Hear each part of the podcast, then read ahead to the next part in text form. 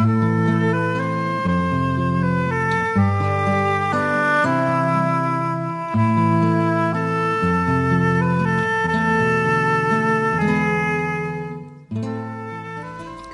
en welkom weer eens by Kortop. Vanaand het ons twee heerlike kort kort verhale. En is regtig twee baie spesiale verhale en word baie mooi gelees deur twee spesiale kunstenaars.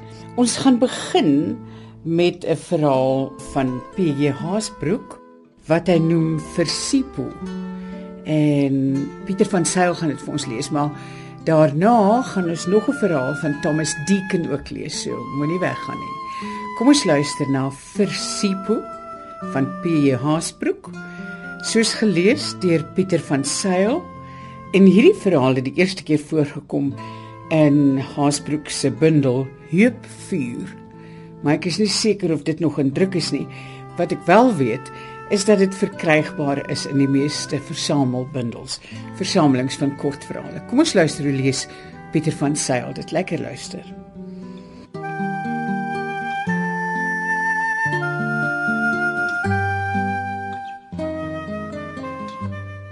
Nomsa se voete ken die voetpad en sy hoef nie te kyk nie. Haar oë is gretig hoog by die visarend. Die voël trek sy een vlek effens in, stoot die punt van die ander uit en kantel af. Die vis in sy kloue flits soos 'n lem. Kinders toe. Kinders toe. Alles honger. Jubel Nomsa. En toe die arend roep, roep sy terug. Die voël draai sy kop om te sien wie sy stem ken. Oor die rivier val hy vinnig, maar die wind wat oor die moeras kom en soet van die son teen die hang opstoot, druk in sy borsvere en maak sy vlerke oop. Hy lig sag op oor die suikerrietwang van die rand. Onder hom roer die saad wit en donserig soos hy kykens in die wind. En hy klap sy sterk vlerke 'n paar maal vinnig voor hy oor die kruin van die rand begin afgly na die lang streep duinwoud waar sy nes is. Nomsa se hart skop soos 'n kind onder haar bors. Dis gisterand wat haar so laat voel, dink sy. Die vuur in die trom en Sipo se lyf, swart en blink soos die beeste wat hy vir haar betaal. Sy wil dans haal die rooi pot van haar kop af. Die kafferboom spat vars bloed tussen die skildvelblare van die willepiesang. Sy ruik die son op die water van die Umslalazi, soet en loom. Sy weet dat onder die blinkvel van die rivier die water koud is, soos 'n boom se wortels. Die kleipot sal ook koud wees as hy terugloop en Sipho sal baie kere drink. Hy sal drink soos 'n kalf met sy keel wat ruk en die water sal deur sy baard afloop op sy nek. Nomsa wil sing. Maar haar keel word vol van die groot gevoel. Die pad breek nou nek deur die Gramadula en spring tussen die klippe af water toe. Maar Nomsa hoef nie te kyk nie. Haar voete ken elke klip se voel. Weet waar die doreboom sy droë takkies afskud in die wind. Ken die breek kolle in die skaduwee waar die son sy warm vingers deurgedruk het op die sand en die ander plekke waar sy moet koel te trap, koel te trap loop. Sy is trots op die kennis van lankal se water haar loop. In die rietboskasie langs die water het die rietrot sy neus fyntjies getrek toe hy Nomsa hoor aankom. Die wind het die water in klein riffelrige brandertjies gestreel en die riete slag vinnig gekarnaval. Die son het deur die rietsplete nuwe gange gebreek en voor die rot op twee klein stil oë geblink. Instinktief het die rietrot gevlug en die voetpad 'n nou warm kloof in die riet met een sprong oorgesteek. Sonder om die wasige beweging van die klein diertjie in sy sprong oor die voetpad te sien, voel Nomsa die trillinge van die klein angs op ekho. En sy steek vas. Die mamba het deur die riet gekom asof dit sy spesiale pad is. Sy lyf het die gladde stele in die blare vasgegryp en verbygeruk. sodat hy kop vinnig heen en weer moes swaai om te verhoed dat hy nie in volle vaart teen die rietstamme stamp nie. Die voetpad was egter nie meer net 'n warm oopte nie. 'n Rooi vlam het sy pad versper. Sy lyf het nog vorentoe gebeur, maar die harde stil oë het gesien soos 'n veer wat losbreek, het sy kop boontoe gesweep sodat hy van bo af kan kyk na die groot rooi blom van die kafferboom. Nomsa wil skree. Maar haar keel is dik vol, soos die lae wolke wat met die seewind oor die duine kom. Sy hoor 'n groot reën en die hartkind onder haar bors skop of hy wil uitkom. Die pot waarop sy so trots is, val en breek. Nomsa se hande spring vinniger as die geelpootreier se bek vorentoe en sluit hom die dun swart nek. Nomsa pleit met die stem van 'n kind in 'n swaar weernag. Help tog. Help tog. Ek gaan dood. Die slang hoor en beer sy oopbek op heen en weer. Sy lyf ruk so en trek dat Nomsa al hoe harder pleit maar net die krappe in die bek van hul moddergate gee daarop ag en skuifel agteruit dieper in die donkertes. Nomsa kyk verlangend na die voetpad terug en na die wit blink water. Die slang soek eers vatplek om haar been. En toe buig sy lyf soos 'n jong boontjie plant op en kronkel swaar om haar arm. Nomsa begin terughardloop. Haar voete vergeet die warm sandkolle en haar oë die mistigheid van die rivierkloof. Voor haar is die lig roosvleis binne in die mamba se bek en die klein blink splintertjies waar die tande in hul opgeswelde skede skuil. Die boosaardige oë vermy sy. Toe sy tussen die suikerriet kom, weet sy langer kan sy nie meer vashou nie. Die mamba se houvas om haar arm is verlammend stewig. Die stert swaai om haar lyf en sy kan voel hoe trek die spiere saam om die kop deur haar hande te laat gly. Sy kom die sweet in haar hande agter. Nomsa sê: "Sipo." En toe al harder: "Sipo, sipo, sipo, sipo." Haar oë soek op na die visarend en af na die stil groen koelte van die rivier. Die slang trek stil soos 'n tak al stywer. Nomsa dink aan haar hut. In eensklaps is die slang in haar hande die stamphout, glad van baie gebruik. Sy lig haar hande op en laat sak. Lig hoër op en laat sak. Lig nog hoër op in die slang se lyfkring blink en swart om haar arm soos 'n swart koperring. Die kop gly effens. Toe byt Lomsa. Haar tande skeur deur die swart vel. Soos 'n hond ruk sy haar kop. Die stert agter haar rug swaai op om haar nek. Sy byt dieper in die seeningrige koue vleis gee mee. En haar kyk nie meer nie haar oë toe. Sy proe die soet smaak van die vleis en onder haar tande kraak die been. En haar trek terug met haar nek teen haar hande wat die swart lyf van haar af wegdruk. Die stert om haar nek swaai los en krul teen haar borste.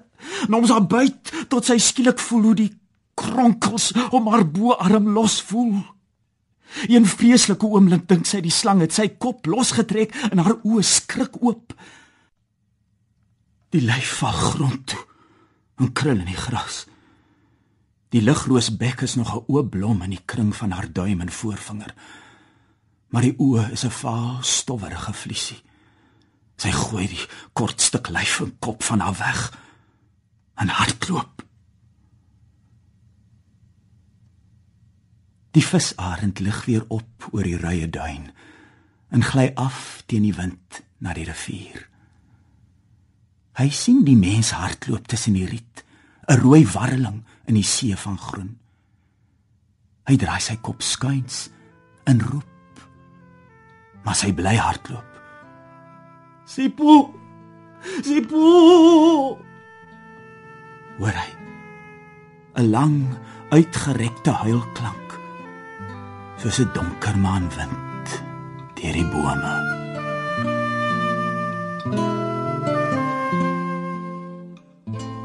Pieter van Sail het vir ons PJ Haasbroek se verhaal vir Sipo voorgeles. En nou gaan ons luister na 'n verhaal van Thomas Deacon En Zenobia Kloppers gaan dit vir ons lees. Die verhaal se titel is Die slang in die tuin en dit het voorgekom in Die ding in die riete van Tafelberg wat saamgestel is deur Jean Lombard. Lekker luister.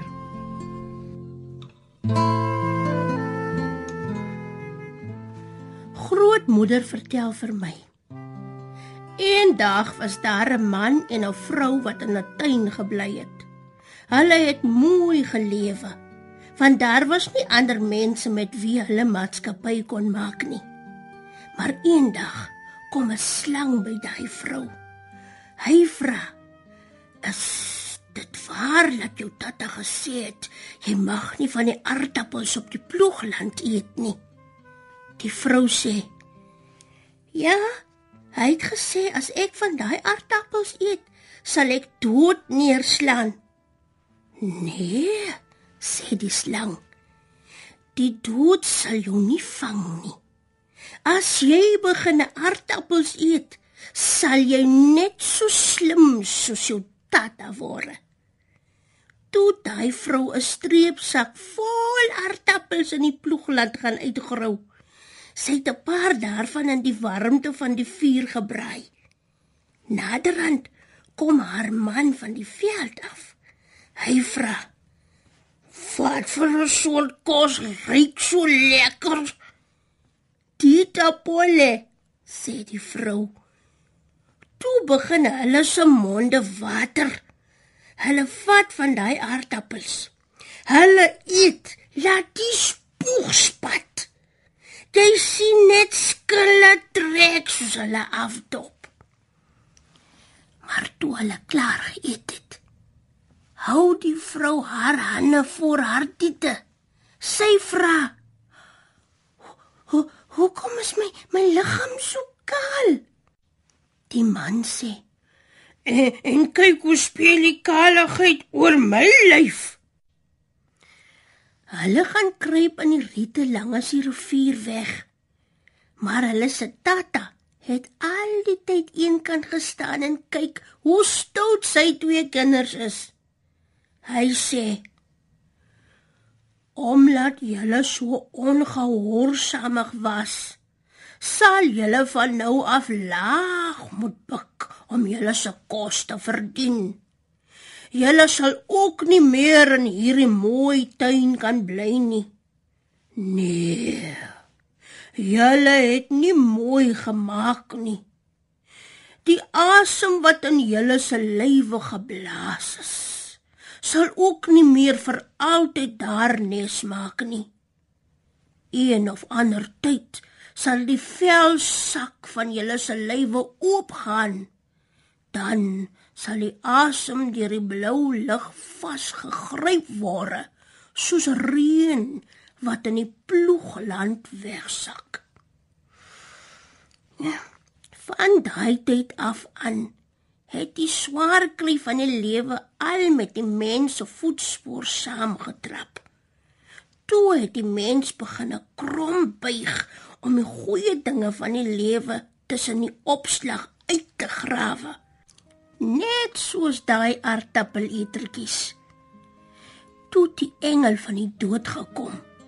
Hy het sy skadu oor al wat mens en dier en plant is gegooi. Hy sal nog dink om dit of dat te doen. Dan klap daai vlerke bo kan jou kop.